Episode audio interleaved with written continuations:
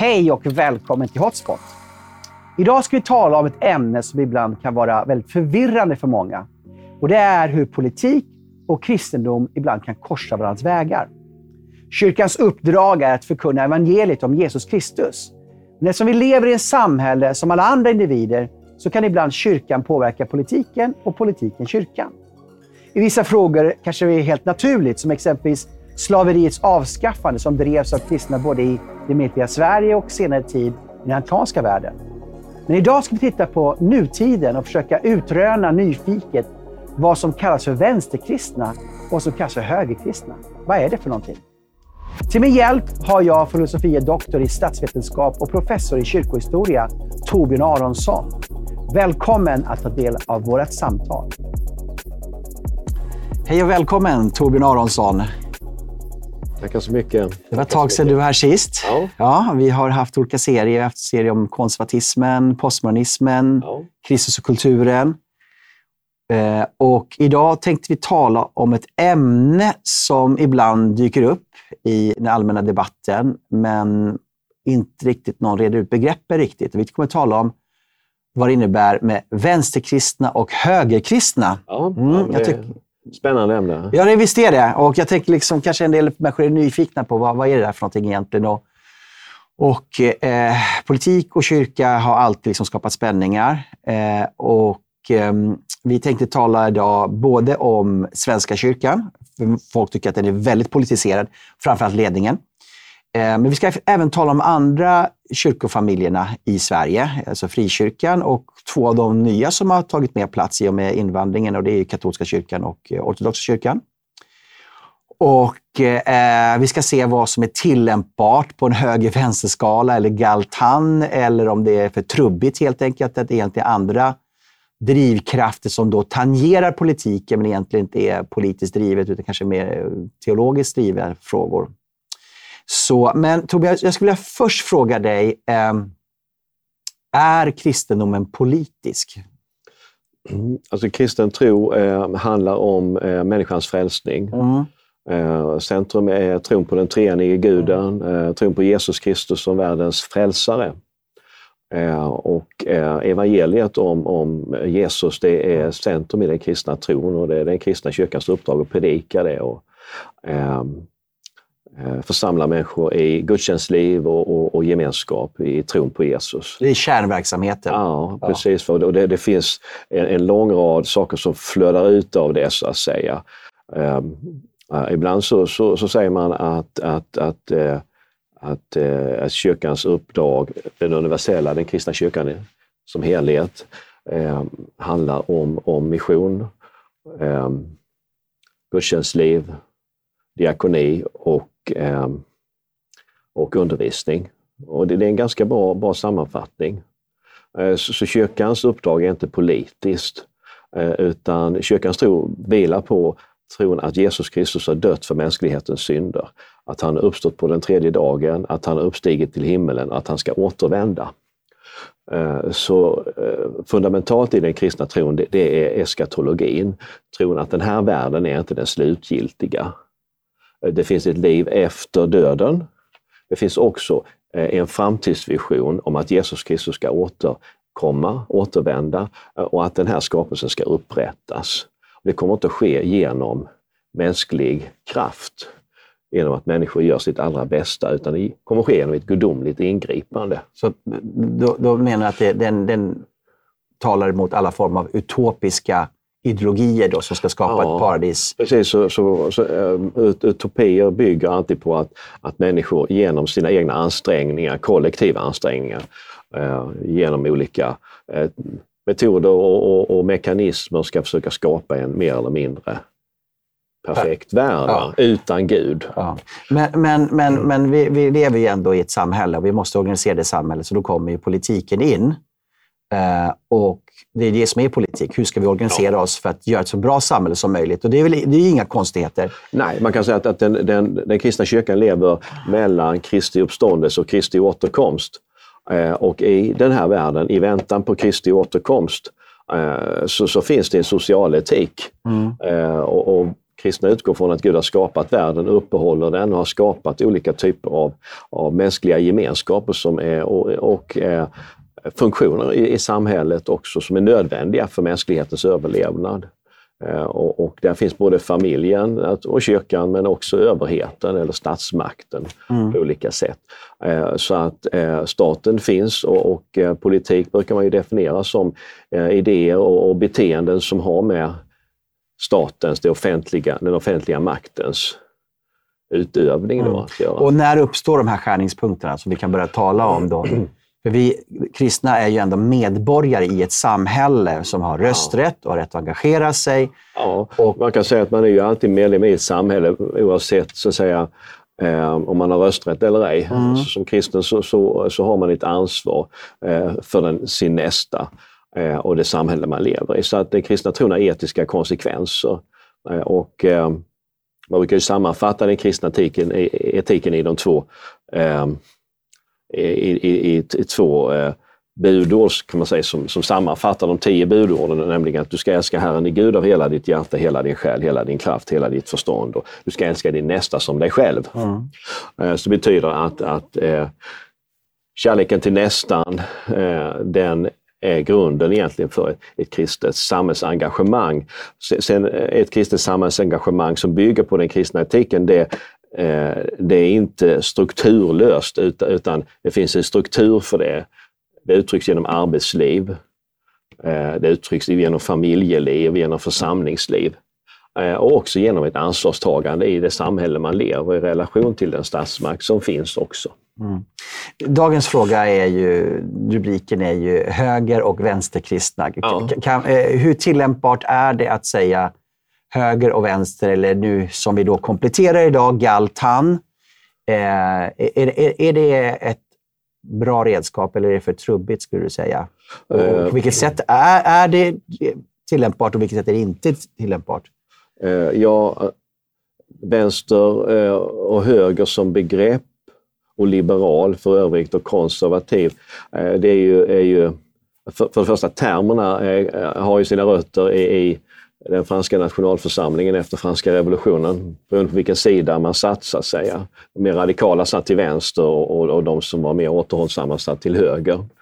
Och de som fanns eh, på något vis befann sig politiskt i en centrumposition, de kallar man för liberaler.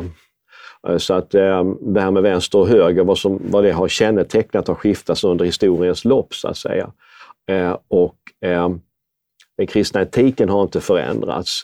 Eh, så att eh, den, den innebär ett, ett grundläggande ansvarstagande, kallelse och plikt till ansvar för, för nästan då i samhället och de här olika sfärerna. Då. Eh, och då kan man säga att, att, att höger-vänster, hur det har definierats, det har skiftat under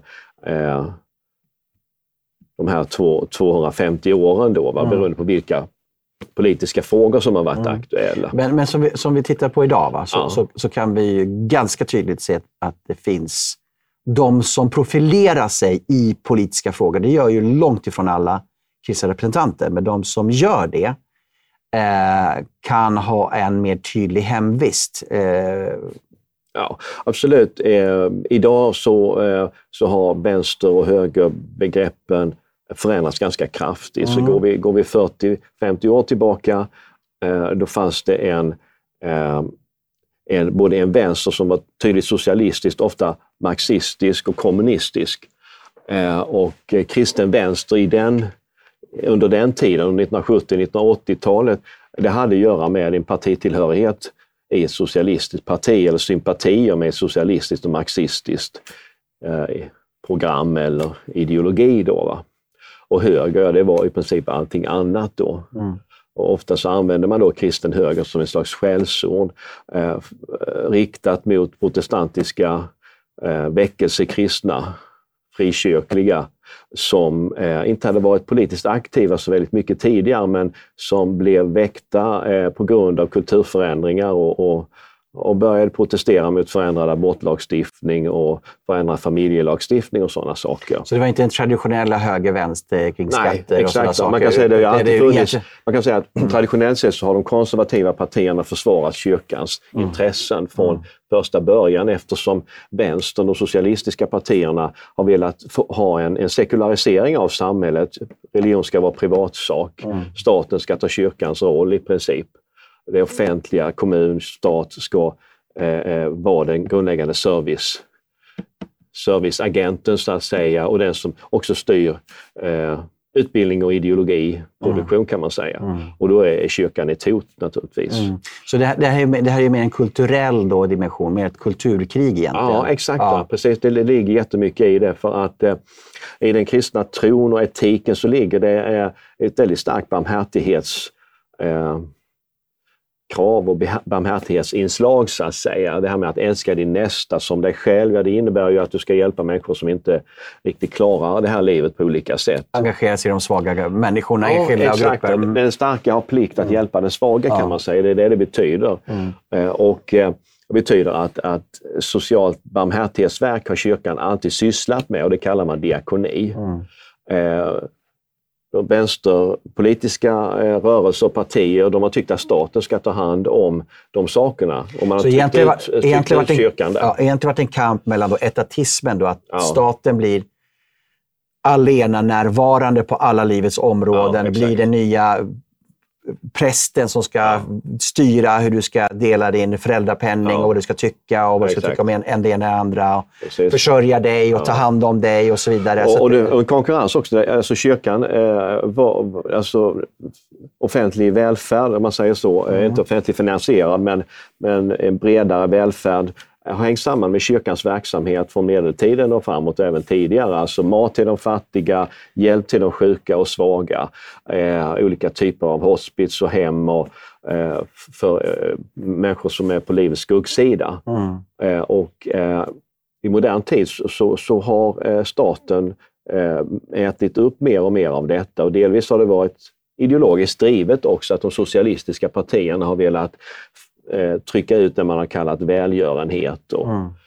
eh, det har varit en konkurrent. Kyrkan har varit en konkurrent. En konkurrent, ja. Mm. Precis. Både, både, i sin verksamhet och i, i, i, sin ideologi, sin tänkande. Ja, mm. exakt. Va? Men om vi ska titta lite grann, om vi går in, går in lite grann på... Vi ska tala om Svenska kyrkan först, mm. för det är den största kyrkan, den mest dominerande kyrkan i svenskarnas medvetenhet.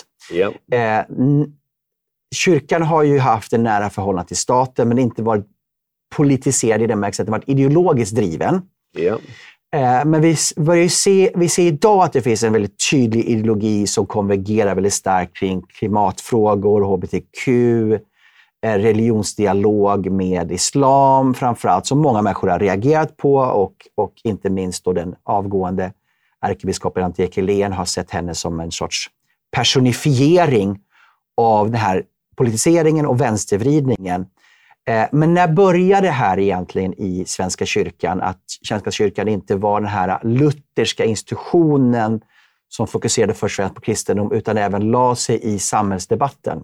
Jag kan säga att fram till år 2000 så eh, hade vi en statskyrka i Sverige eh, och kyrka och stat var ganska sammanflätade och, det är en lång historia, det finns många sidor av det, men en sida av det var att det fanns en luthersk socialetik som motiverade det här nära samarbetet. Eh, och då var tanken att, eh, att kyrkans uppdrag är predikandet av evangeliet, eh, förvaltandet av sakramenten, diakoni, undervisning och mission. Men och staten sköter statens kärnuppgifter av, av, av, olika slag. Det var liksom ett gudomligt mandat och det var något som Luther underströk. Kyrkans, Två regementsläran. Ja, exakt. Mm. Kyrkan skulle inte, eh, likt eh, den påveledda kyrkan på medeltiden spela en politisk roll. Eh, utan den skulle, eh, kyrkan skulle syssla med det som var dess kärnuppgift, nämligen förkunnelsen av evangeliet. Eh, och eh, Det betyder att den kristne medborgaren och samhällsmedlemmen i Sverige, han hade Eh, Gud var verksam både genom staten då. Va? Statens lagar skulle man lyda för samvetets skull och därför staten var, eh, ytterst sett så hade Gud upprättat överheten för att skapa lag och ordning och frid i samhället. Eh, och sen fanns kyrkan och, och där predikades Guds ord och evangeliet och sakramenten erbjöds och så vidare med mera. Eh, så att människan mötte Gud på två sätt. Mm. Eh, och på samma sätt så var det som så att de, alla som fanns i, i staten, i riksdagen och i regeringen och i olika funktioner i staten, de var ju samtidigt medlemmar i kyrkan. Eh, så att man, man var medlem av flera sfärer i samhället på samma gång. Eh, och det var eh, motiverat utifrån en biblisk etik, båda två sakerna. Så att församlingen fanns naturligtvis i gudstjänsten, men den fanns i, också i, i staten. Mm. Men hur har det här nu, om vi politiseringen ja. av, av Svenska kyrkan? Det här gällde ja. fram till år 2000 kan man ja. säga, även om mm. det var en, ett, ett sluttande plan. Men fram till år 2000 så kunde inte eh, biskopar i princip agera eh, i politiska frågor. Utan det var staten som skötte det och regeringen som skötte det. Så det du säger, den bakgrund som du nu sa, sa här precis med två regementslära, de här två vingarna så att säga förbjöd biskoparna att yttra sig politiskt. Ja, i princip. Man säger att det, var, det, var, det var i alla fall ja. en outtalad regel. Ja, absolut, ja. och det var väl motiverat. Och, och politiken skulle inte lägga sig i kyr, vad kyrkan gjorde heller. Exakt. Nej. Och sen, ja, det, det, det, är en annan fråga. Ja. För att, för att där, där, eh, det, det har aldrig fungerat särskilt bra. Nej, men... utan, utan stat och politik har hela tiden velat bestämma vem som ska bli biskop i Svenska kyrkan. Det har ofta varit väldigt politiserat. Eh, och eh, det har funnits olika regler om hur, hur man tillsätter biskopar och kallar dem och beslutar om dem. Men staten har haft många gånger ett, ett viktigt inflytande över det och regeringen särskilt och då har den politiska färgen spelat roll. Och eftersom då Socialdemokraterna ja. har regerat större delen av de sista hundra åren så har de då kunnat påverka biskopsvalen, eller? I hög utsträckning. Mm. Sen är det inte alltid de har, har, varit så medvetna. Ibland har de varit det och man kan säga att det är en fråga som blev liksom den första politiseringen av Svenska kyrkan. Man kan diskutera vilken och så vidare, mm. men, men kvinnoprästfrågan, den initierades eh, på olika håll, men men den socialdemokratiska riksdagsgruppen och dess representanter i, i kyrkomöte och liknande eh, drev detta ur en jämställdhets från en jämställdhetsaspekt. Sen fanns det kristna kvinnor som var aktiva i kyrkan och upplevde en kallelse och upplevde att de kunde inte förverkliga den i kyrkan. Eh, och därför så var de, vill de naturligtvis se en öppning av prästämbetet för, också för kvinnor. Men, eh, men det blev en, en slags eh, inledning till en hårdare politisering av kyrkan. Därför att då eh, eh, när den avgjordes till, ska vi säga, de som var anhängare av kvinnliga präster till deras fördel och med understöd av den socialdemokratiska regeringen, eh, så stängde det dörren för i princip eh, de flesta biskopskandidater som var då motståndare till detta. Så det här var startpunkten då för en större politiska inblandning i Svenska kyrkan? Ja. Precis. Sen var det liksom inte som så att det bestämde allting och det fanns, mm. det är liksom en lång historia, men Näst, ett annat viktigt steg eh, här är då framväxten då av en, en vänsterrörelse bland eh, eh, unga präster och teologistuderande i slutet på 60-talet. Alltså 68-rörelsen? 68-rörelsen, mm. den slog in den kom i Svenska inte från, kyrkan. Den kom inte från stater, den kom ju från de präststudenterna själva som blev ja, inspirerade av, tidsandan. Exakt, mm. ja, precis. Så tidsandan slog, slog in i kyrkan eh, på ett brett sätt och sen fick det då många återverkningar. Men en återverkning var att marxistiskt orienterade teologistudenter skapade en egen eh Eh, teologisk variant som man kallar för befrielseteologi som var marxistiskt orienterad. Som understödde eh, olika gerillarörelser i Sydamerika Bland annat mm. det. Va? Och, och sen så fanns det också så kallad religionsteologi som lanserades på 1960-talet och sekulariseringsteologi. Och religionsteologin gick, gick ut på att eh, i princip det finns, eh, ja, man, man utgick ifrån att eh, eh, i princip alla religioner har, har, har gemensam, gemensamma utgångspunkter och så vidare. Man, mm. man ska liksom hitta varandra i olika typer av dialoger. Då, va? Mm. Eh, och, och, man gick ut, eh, utgick från någon social etik då som var den grund, ja, man, vill, man, vill, man kan säga att det här har förändrats över tid men, mm. men, men tanken eh, på något vis är eh, att religioner via förstås, bättre förståelse av varandra ska komma närmare varandra. Då, va? Och, och eh, allt det där kan man diskutera, det kan, få olika ut, eh, det kan användas på olika sätt. Mm. Sekulariseringsteologin den innebar att det som hände i världen, i samhället, skulle påverka kyrkan. Kyrkan skulle inte påverka världen. Just det, det här har vi Johannes Christian Heukendick var ju missiolog som då tydligt förde fram de här idéerna. Ja. Att, eh, så här kosmocentriska synen att, att, att Gud verkade inte genom kyrkan först. Han verkade i världen ja. Och världen skulle påverka kyrkan i sin tur. Ja, exakt, och att kyrkan egentligen var en appendix bara i, i Guds verk. Ja, exakt. Man kan säga att man, man reducerade Jesus Kristus, mm. Jesu Kristi roll i den kristna tron försökte man reducera. Då, För att i Nya Testamentet så hänger Guds, rik, Guds rike samman med Jesu Kristi person mm. och förkunnelsen av evangeliet om honom. Eh, men vad som hände på 60-talet är det på något vis att man reducerade Jesus till eh, eh någonting ganska sekundärt. Och det blev eh, den första trosartikeln, Gud som skapar istället, mm. som man lyfte fram. Det skulle vara utgångspunkt i princip för religionsdialog och sekulariseringsteologi. Precis, så man skiljer ju där mellan det kristocentriska, ja. att Jesus är i centrum i kristna ja. tron, eller kosmocentriska, Exakt, att man då fångar upp tidsandan. Så vi Exakt, ser väldigt för det här, det här teologiska grundverket ja. lades ju där på 50-60-talet redan då. Exakt. Ja. Och man kan säga också att man, man, man lyfter bort tanken på det onda, det djävulska mm. i tillvaron. Då, va? Eh, om man inte tror att det finns någon djävul och inte något ont, mm. ja, då är väl världen inte så farlig. Men, men, men, tror man att, att eh, det, är, det är faktiskt så här att vi lever i en värld där det är strid mellan ont och gott. Eh, och, och Jesus Kristus är på något vis är, är världens frälsare.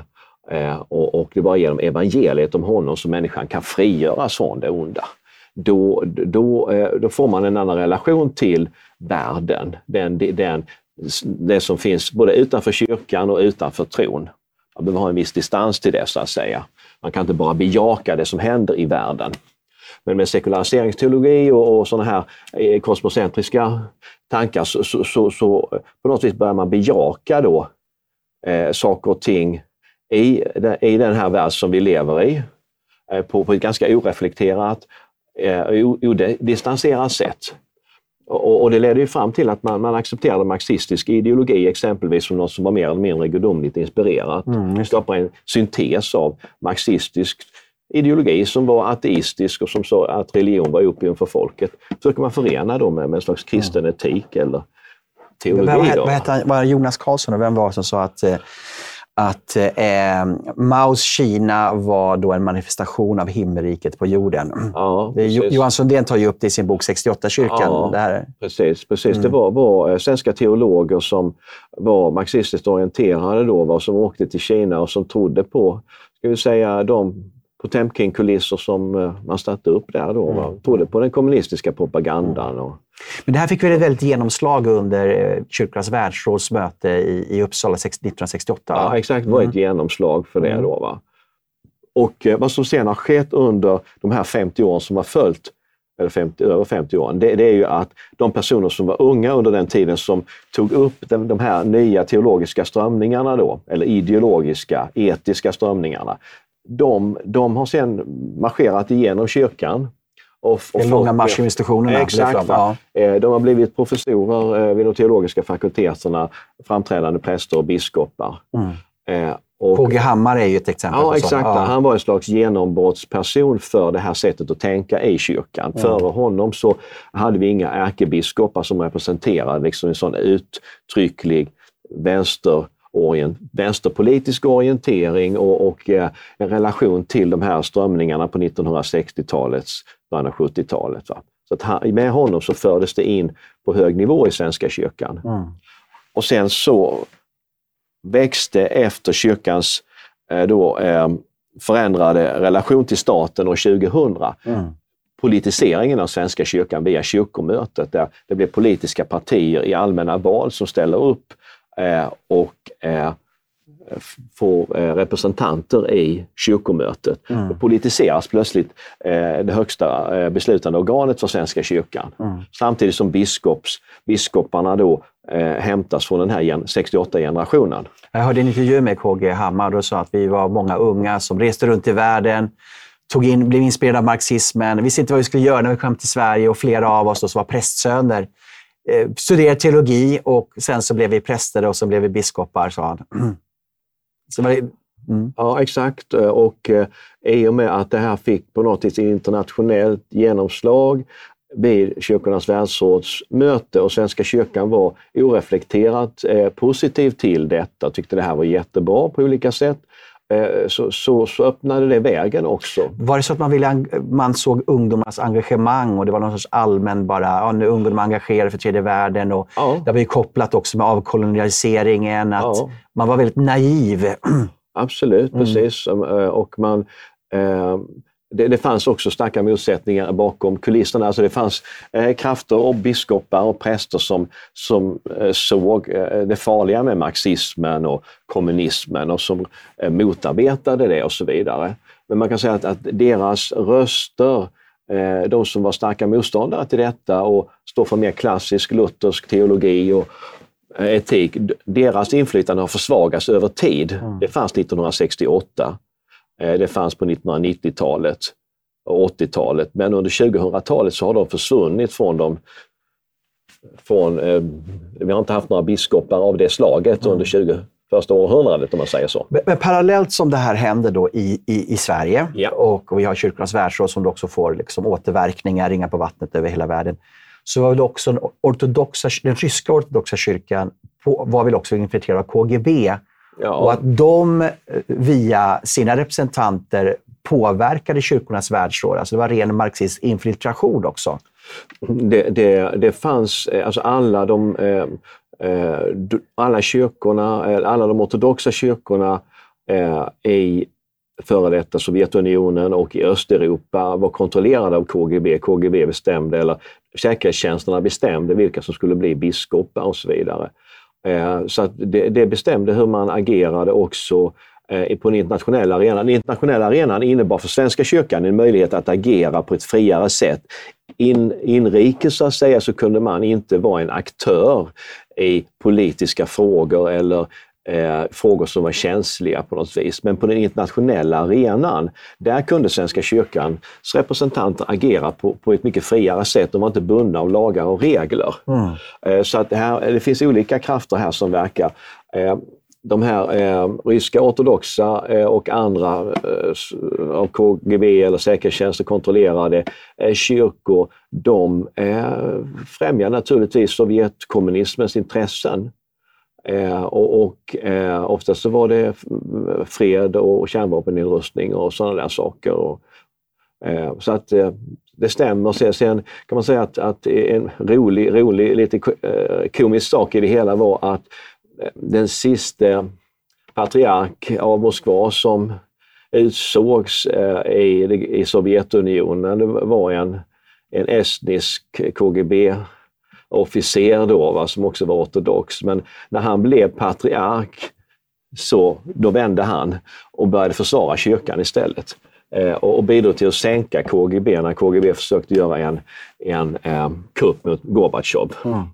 Eh, så, så, att eh, eh, och det finns flera exempel, alltså personer som har varit en del av, av det här säkerhets eh, eller kontrollerade av detta, men när de fick frihet så, så en del av dem förändrades. Alltså de började hävda kyrkans intressen istället, främja eh, kyrkans agenda istället för partiets mm. i det här upplösningsskedet mm. av, av kommunismen. Just det, och, och, inte minst såg vi de katolska prästernas ja, påverkan absolut, i Polen. I Polen ja, och solidaritetsrörelsen, de var ju en oerhörd kraft att sänka faktiskt ja, Sovjetunionen. Exakt, ja. överhuvudtaget kan man säga att den katolska kyrkan hade, var, var mer motståndskraftig eftersom den hade en internationell organisation eh, och relaterade till påven och påven kunde agera också på en internationell arena och så vidare. Så att katolikerna eh, var mer motståndskraftiga än de ortodoxa eh, i relation till de, de totalitära regimerna. Mm.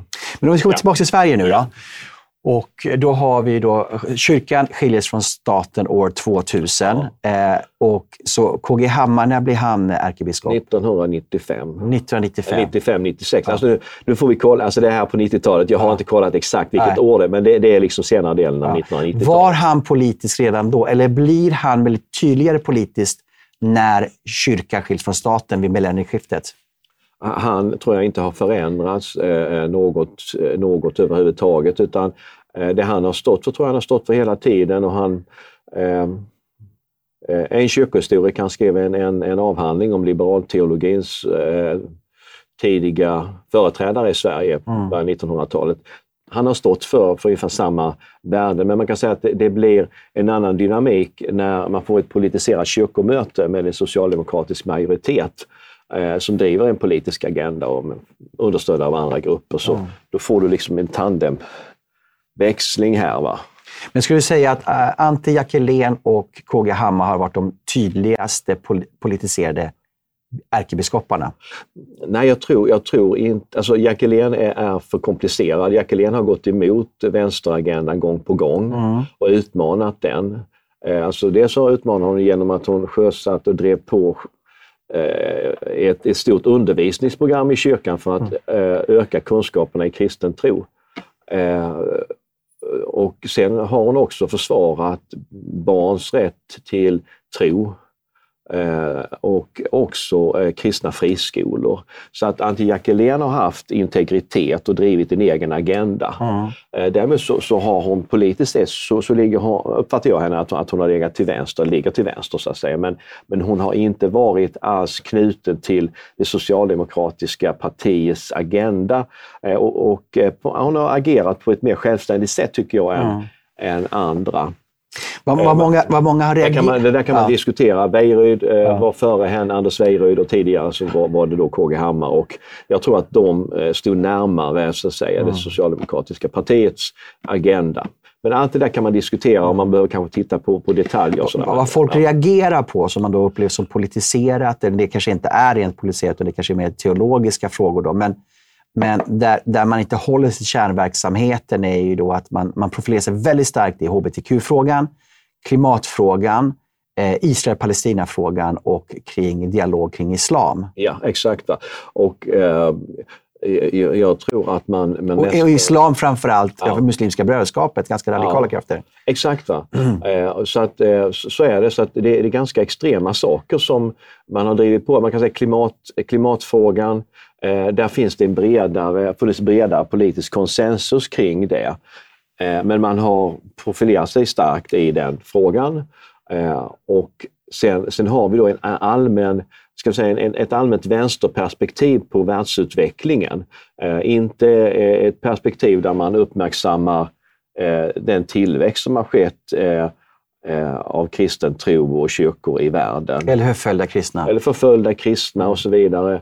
Eh, utan eh, istället varit, varit en, en, en agenda som, som är direkt hämtad ur den här 68-rörelsen. Alltså det här med, med, att man ska vara eh, otroligt liksom, eh, anti-israeliskt då, mm. eh, och föra fram idéer om, om, att Israel skulle vara en apartheidstat och sånt. Alltså det, det, man tror liksom, man har, det är svårt att, och, har svårt att förstå hur man kan eh, driva och lyfta fram sådana frågor idag så att säga. Mm. och det fick ju till och med det fick ju motstånd också från riksdagspartierna då så att på ett vis så, så, så, tycker, så får man intrycket av att eh, vänsteragendan, det politiserade inflytandet eh, har varit starkare i kyrkan på ett vis eh, än i staten. Mm, och jag ser ju väldigt många reagerar mot Svenska kyrkan och vill ja. gå ur. På Exakt. något sätt så, läser jag av, det kan vara korrekt eller inkorrekt beroende på personer förstås, att på något sätt de vill egentligen vara kvar men de står inte ut. Men, men vad, vad skulle du säga, är det biskopsvalen som har varit den stora prägen av liksom ett världsperspektiv? Eller det, har det varit prästutbildningarna? Och då skulle jag snarare säga professorerna och, och, Man kan säga att det här med biskopsvalen så spelat mycket med, med, marginell roll. Ja. Eh, och biskoparnas eh, främsta uppgifter det handlar om, om att överse sina stift, rekrytera präster och det har, det mer, har med, med församlingsverksamhet att göra. Så det är inte den enda den enda biskopsroll som har fått en lite mer politiserad orientering kan man säga är ärkebiskopsrollen. Mm, man, man hör ju inte så mycket från prästerna, eller från biskoparna i Nej. politiska frågor så att säga. Men ibland har vi, har vi ja. Moreus nu som gick ut här. Jo, enstaka präster ja. finns det ju alltid. Ja, och, och biskopar. Men, men, men eh, skulle du säga att, att det, det stora filtret ja.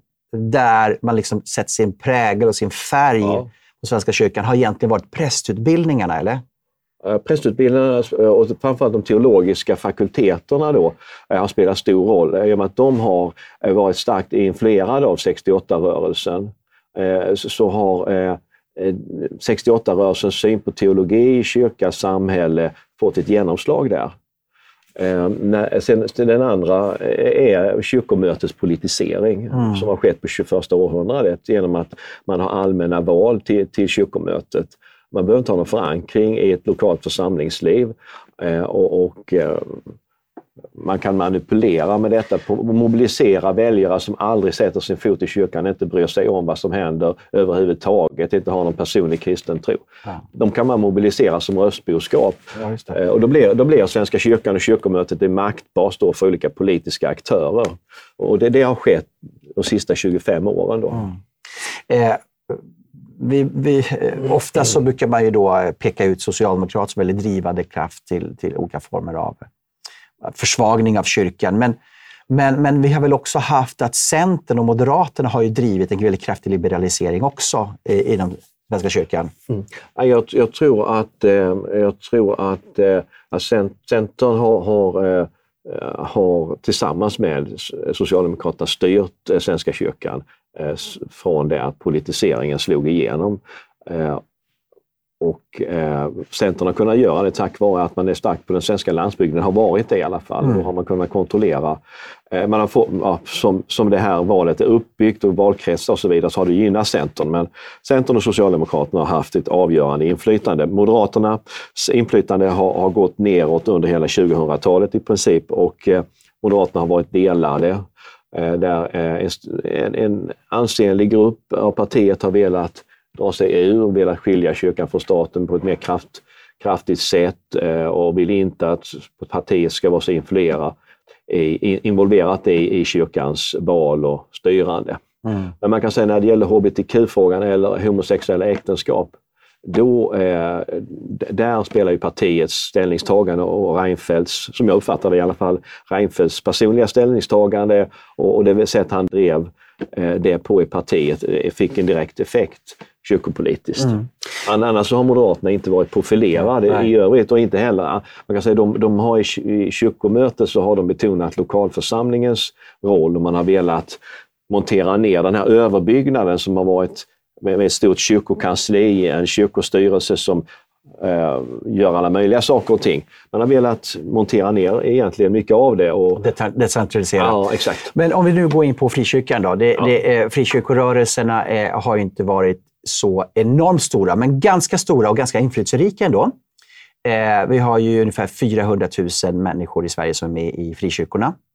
Eh, vad, och vi tittar då på höger-vänsterskalan. Hur skulle du, om vi först backar lite grann, eh, finns det en politisk tendens, eller har funnits, i frikyrkorörelsen? Ja, ehm, situationen idag är väldigt annorlunda. Vi går in på det, vi in på det, det som idag. Senare. Vi börjar bakgrunden lite bara kort, så går vi på, på dagens... Ja, exakt. Va? Bakgrunden kan man säga att, att, att, i Sverige så eh, fick vi religionsfrihet väldigt sent mm. och under stort motstånd också. Och eh, när frikyrkor bildades i Sverige på senare delen av 1800-talet eh, så eh, vägrade de flesta att acceptera den religionslagstiftning som fanns i Sverige. Därför att den var, var väldigt nedsättande eh, och, och eh, uttryck för en väldigt negativ hållning till eh, frikyrkornas församlingssyn och med mera. Eh, och eh, då bildade man föreningar istället. Byggde upp en, en kyrklig verksamhet som var fri från staten och som byggde på föreningslivets principer. Och man eh, hamnade, kan man säga, i, i samma fåra som andra folkrörelser.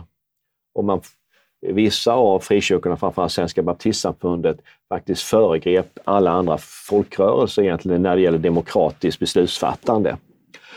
Eh, och eh, man kan säga att det, det, här, det här ledde fram till sen att man, man blev en del av folkrörelse-Sverige, men med kopplingar både till arbetarrörelse och nykterhetsrörelse. Eh, och politiskt så, eh, de äldre frikyrkorna var ofta eh, allierade med eh, Folkpartiet, de frisinnade, det som är Liberalerna idag. Mm. Det var liberala frågor man framförallt drev då. Ja, exakt. Och nykterhets, nykterhetsfrågan ja. kan man säga var en social fråga som drevs av de frisinnade, alltså den frikyrkligt orienterade delen av eh, Folkpartiet, ja. Liberalerna.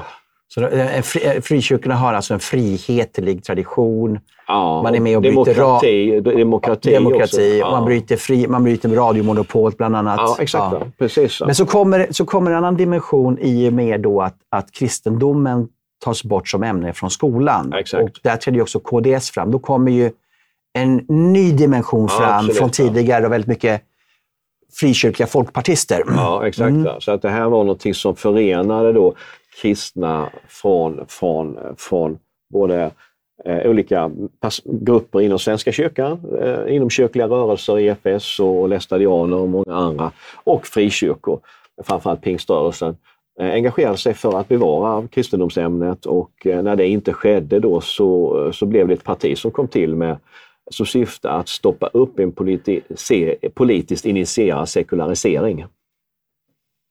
Det var en viktig vision eh, bakom KDS tillkomst kan man säga. Mm. Och sen senare kom också abortmotståndsfrågan Ja, då, exakt, från 74 och framåt. Då. Exakt. Ja, just det.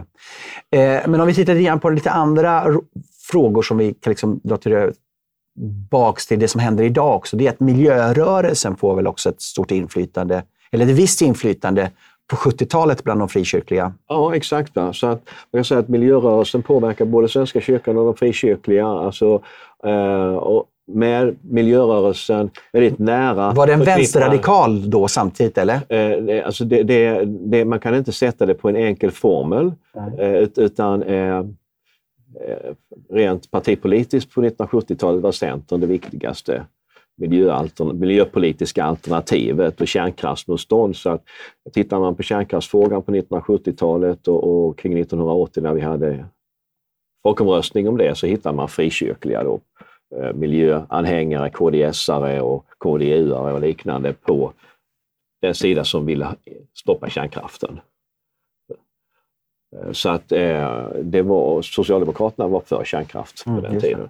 Så att det var inte det här med miljö, miljöfrågan var inte politiserad på det sätt som den är nu utan eh, det, det var, var ett bredare, bredare reaktion på konsumtionssamhället kan man säga. Okej, och det var kopplat då till miljögifter och kärnkraftsmotstånd? Ja, eller vad, och en, enk- men- också eh, enklare livsstil kanske? enklare livsstil. Eh, eh, re- man reagerade mot en, konsum, en konsumtions... Eh, livsstil Ja. och, konsumtionshets. Ja. Och sen fanns det här med eh, tredje världen-engagemang och sånt här som också var med, kopplat till kyrkligt, frikyrkligt missionsengagemang där man var involverad i olika typer av biståndsarbete, ofta eh, utan något statligt stöd, men det blev det senare. Mm. Och eh, allt det där eh, tror jag samverkade till att eh, man blev eh, man associerade sig med eh, miljörörelsen och fredsrörelsen också. Ja. Men det, det fanns ju också ett motstånd mot vänstervågen, inte minst då Stanley Sjöberg och tidningen exakt. Dagen var ju liksom banerförare i, i det här. Att, eh, Man kan säga att det här med miljöfrågor och motstånd mot vänstervågen kunde förenas. Eh, Så att eh, går man igenom tidningen Dagen under de här årtiondena så kan man hitta den här mixen då av ena sidan miljöengagemang eller en positiv hållning till miljörörelsen men en, en väldigt starkt eh, konfrontativ hållning till eh, den, den marxistiska och kommunistiska politiserade vänsterrörelsen. Då. Mm. Men, och så var, fanns ju också en, en pacifistisk rörelse. Ja. Var den väldigt stark eller var den liksom lite eh, marginell? Eller hur skulle du att det- bedöma den överlag, eh, frikyrkan? de, när jag tittat på, på uppsatser och, och liknande, det finns också avhandlingar som har skrivits om, om det här.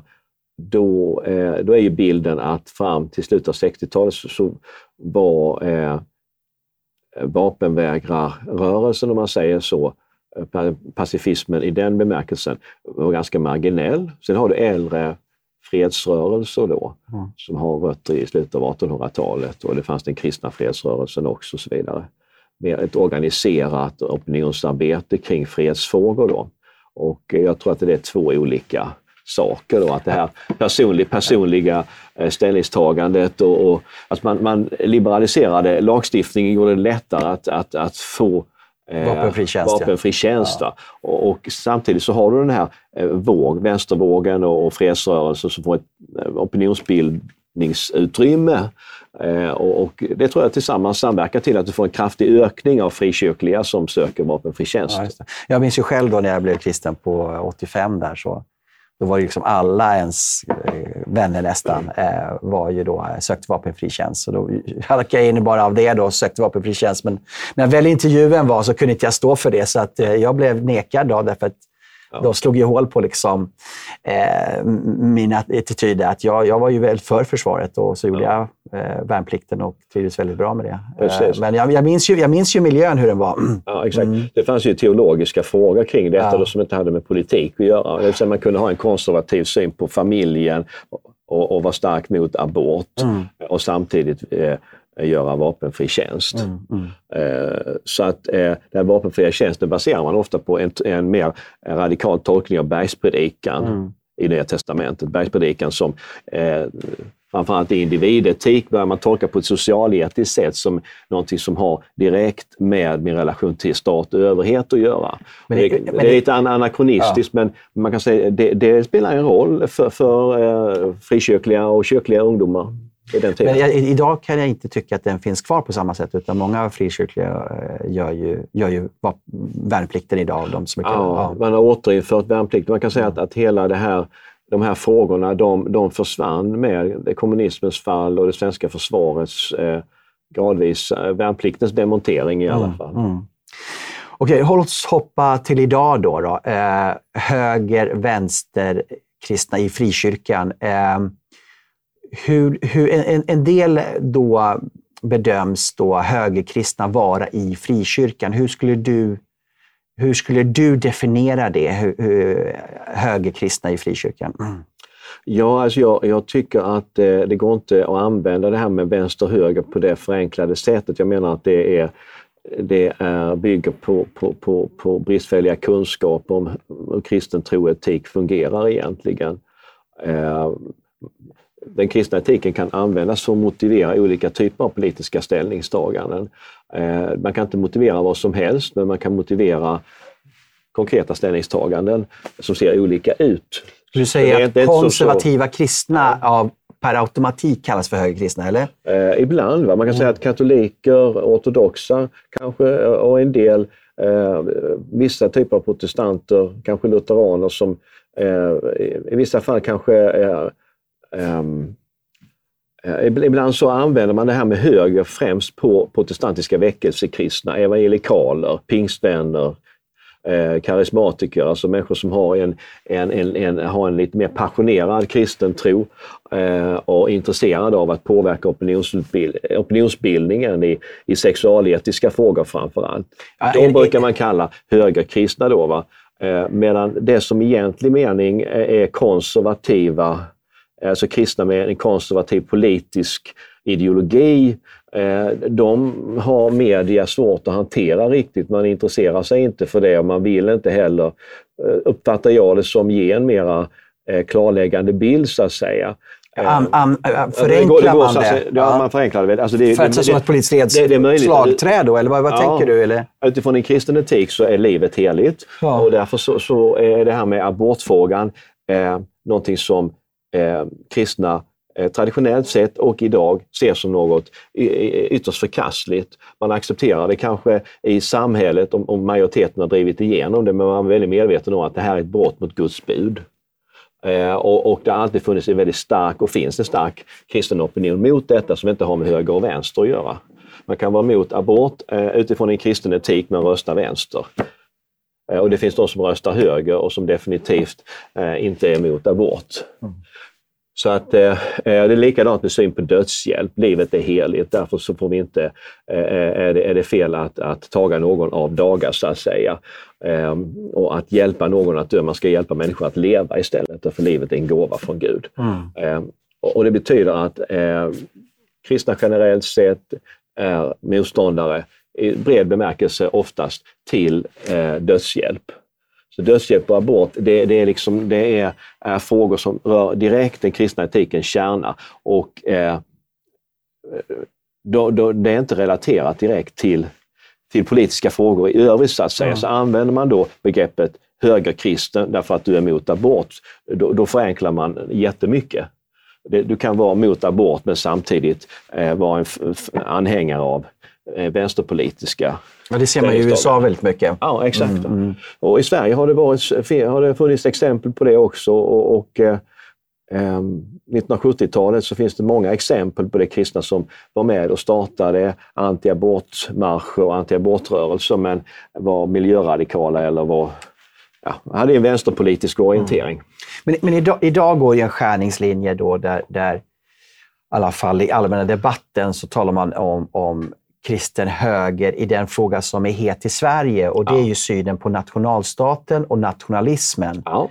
Eh, där det finns eh, folk i eh, frikyrkan framför allt som då tror på nationalstaten. Det behöver inte betyda att de tycker att det ska vara etnonationalistiskt. Eh, därför att kristna har ju alltid varit välkomna för alla, alla människor eh, personligen och i sin kyrka och så vidare. Men de kanske menar att man kanske ska slå vakt och ha, ha mindre migration till exempel. Där har man ju då pekat ut att de här människorna är ju då högerkristna. Ja, precis. Det är liksom en ny, ny fråga kan man säga. Ja. Då, va? Eh, som, eh, För det är ju vår tids fråga just nu. Det, det, ja. är det en fråga och den, den, har funnits tidigare också. Alltså, så att du har ju, I Sverige så har du ju en eh, Eh, Eh, det finns ju kristen nationalism som har spelat stor roll i Sverige, inte minst under demokratiseringen, alltså ungkyrkorörelsen som var en rörelse inom Svenska kyrkan, eh, som blev väldigt inflytelserik, eh, hade en tydlig nationalistisk men också demokratisk agenda. Man kan säga att nationalstaten och demokrati och parlamentarism och också en välfärdsstatens framväxt, de sakerna hänger samman välfärdsstat på en internationell nivå fungerar inte. Mm. Och, demokrati är väldigt svårt att förverkliga på en internationell nivå. Men, att, men nu, nu, har ju vissa gått ut, då, det är en av biskoparna, Morenius tror han heter, och, eh, Moreus. Eh, han heter Mod, eh, Modeus. Modeus, så var det ja. Modeus, Joel Hallof har gått ut och menar att Tidöavtalet kan, ingen som står bakom den kan vara kristen för den är för nationalistisk. Ja. Att, eh, men, vad, vad, har du kommenterat kring det då? För... Nej, alltså, jag, jag menar nationalism är ingenting som står i motsatsställning till kristen tro. Mm. Utan, eh, eh, tvärtom så växte nationalstaterna fram i en protestantisk kontext. Eh, eh kyrkan eh, bröt med påven och, och, och den protestantiska reformationen fungerar som en katalysator. Man, man översatte Bibeln till folkspråken och blev en, en, en kraftig startpunkt för folkundervisning och så vidare nationalstat och välfärdsstat hängt samman och kristna har, har, har, varit med och arbetat kring detta därför att det, det har varit en god sak helt enkelt. Mm.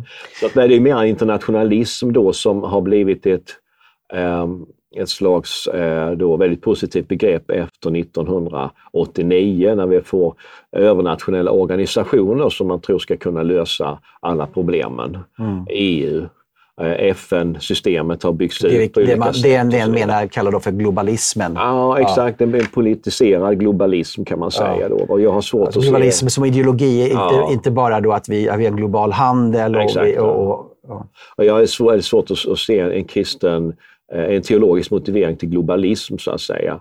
Utan eh, kristen teologi varnar snarare för sådana saker. Alltså det onda i tillvaron på något vis hålls i schack genom att makt decentraliseras. Eh, så att man, man kan ställa makthavare till svars. Och, en, en, en eh, och det är också som så att vi har haft en detta att, alltså, alternativ, vi har kanske diskuterat det tidigare här, men alternativet till nationalstaten är imperiet. Ja. Alltså internationella organisationer bygger all, kan aldrig bygga på någon slags likställighet utan mäktigare stater styr över svagare. Mm. Eh, I FN så har vi ett säkerhetsråd där de mäktiga bestämmer. Mm. Eh, och det är så i EU också, även om det finns mekanismer för att motverka det här lite grann så är det ändå så att på en internationell nivå eh, så är är det imperierna som eh, bestämmer och har mm. makten. Så att om man säger att, att det skulle vara eh, mera kristet att stödja imperialism och imperier. Jag har väldigt svårt att, mm. förstå det. Va? För det är det som är alternativet. Vi ska ta ett par frågor till vi slutar här. Då, för vi, har, vi har talat mycket om vänsterkristna ja. då, och vad, vad som idag så att säga, man kategoriserar då som de mm. högerkristna. Det är ju då också då, eh, eh, tron på den traditionella familjen. Ja.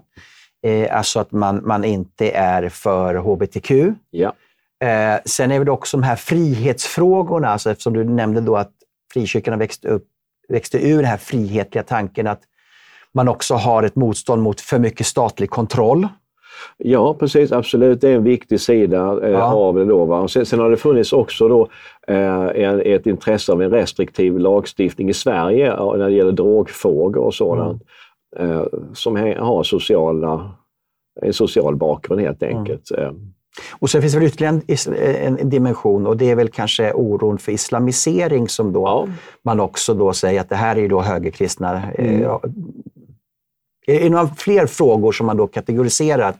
Ja, jag, jag vet inte, det här med högerkristen växte ja. fram i, i en, i, i, i, under, från 80 och 90-talet framåt när eh, i USA man fick en mer folklig kristen rörelse mot abort, framförallt abortfrågan då, men också eh, ett engagemang i andra politiska frågor. Moral majority. Moral majority fanns liksom ja. en tidig sån rörelse, sen blev det andra då. Va? Och det här uppmärksammade kristna, eh, förlåt mig, inte kristna, men eh, vänsterpress i Sverige, vänstermedia. Det var spännande och nytt så att säga, något man kunde kasta paj på i USA. Va? Mm. Det fanns en anti-amerikanism som var grundläggande i 68-rörelsen. Mm. Och på något vis så, eh, Vietnam anti-Vietnamrörelse, FNL-rörelse och så vidare fanns där som var jättecentralt. Mm. Ja.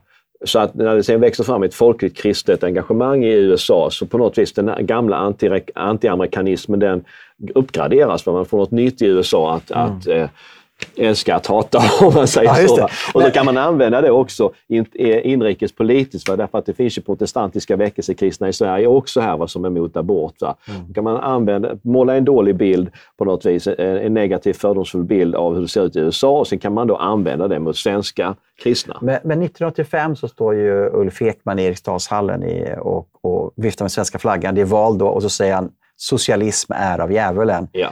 Det är ju ganska starkt ställningstagande mot vänster Absolut, och höger. Visst, ja. visst är det det. Va? Ja. Så man kan säga att, att det, det, finns, det är naturligtvis korrekt att, eh, att antisocialism har varit eh, förknippat med, med kristen tro också. Därför att socialism och också kommunism då ofta har varit antireligiös, antikristlig.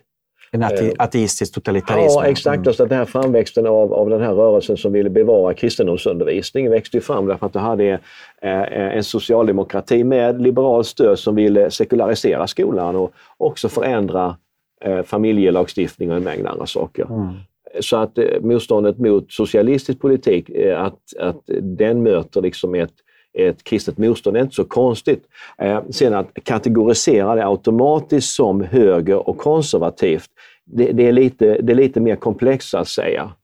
Eh, och eh, man kan vara emot socialismen eh, utifrån lite olika ideologiska och etiska motivationer så att mm. säga. Sista frågan, vi får ge mig ett ja. väldigt kort svar. Nu har vi talat om Svenska kyrkan, vi har talat om eh, frikyrkan, men vi har ju två stora kristna traditioner och familjer och det är den katolska kyrkan och ortodoxa kyrkan. Finns det någon politisering som du kan se från de här samfunden? De är ju ganska tysta i den offentliga debatten. Möjligtvis då för katolska kyrkan så har man ibland då, eh, gjort olika eh, inlägg tillsammans med även frikyrkor i abortfrågan exempelvis. Oh. Men, men, men, ser du någon politisering i, i de här kyrkorna? Alltså man kan säga att, att, när man går från den här allmänna diskussionen om kristna som är aktiva i, i olika frågor till att titta på kyrkorna som aktörer, mm. då kommer man in i en annan värld.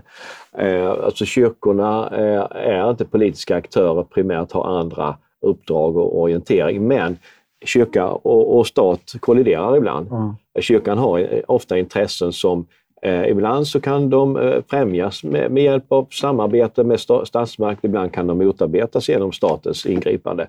Och kan man säga att, att när det gäller skolfrågan i Sverige, eh, friskolefrågan, den är en sån fråga där kyrkor, kyrkorna eh, och den socialdemokratiska regeringen har stått i motsatsställning till varandra. Så, så, så du menar att kyrkan har sin verksamhet och ja. när staten vill lägga sig i och för att stoppa eller störa. Ja, då kommer det en motreaktion och då blir det en konfrontation. Ulf sa att socialismen är av djävulen. Mm. då kan man säga att, att eh, eh, sätter man in det i lite större sammanhang så mm. finns ju, är ju logiken tydlig. Så att säga. Socialisterna framför allt, Socialdemokraterna och Vänsterpartiet har försökt kväva, döda de kristna skolorna i Sverige i, i 45 år ungefär, men inte har lyckats. Va? Mm. Det har varit en ständig konflikt kring detta. Eh, och där eh, har allt fler kyrkor engagerar sig, inklusive den katolska kyrkan, eh, har, varit, eh, har företrädare som försvarat de kristna friskolorna. Även Antje Jackelén har gjort det här. Mm. Sen, sen har du abortfrågan då, mm. där det också har funnits ett engagemang. Men det har inte kanske varit lika starkt och tydligt under senare år. Mm. Tack så mycket eh, Torbjörn eh, för att vi reda ut begreppen lite grann och jag hoppas att våra tittare blivit lite klokare i frågan. Och det finns ju mycket att gräva i den här frågan förstås. Men tack att du kommit hit. Och tack du som har lyssnat och eh, dela gärna här på sociala medier om du tyckte det var intressant. Och nästa vecka så kommer vi med nya intressanta ämnen att tala om. Tack så mycket.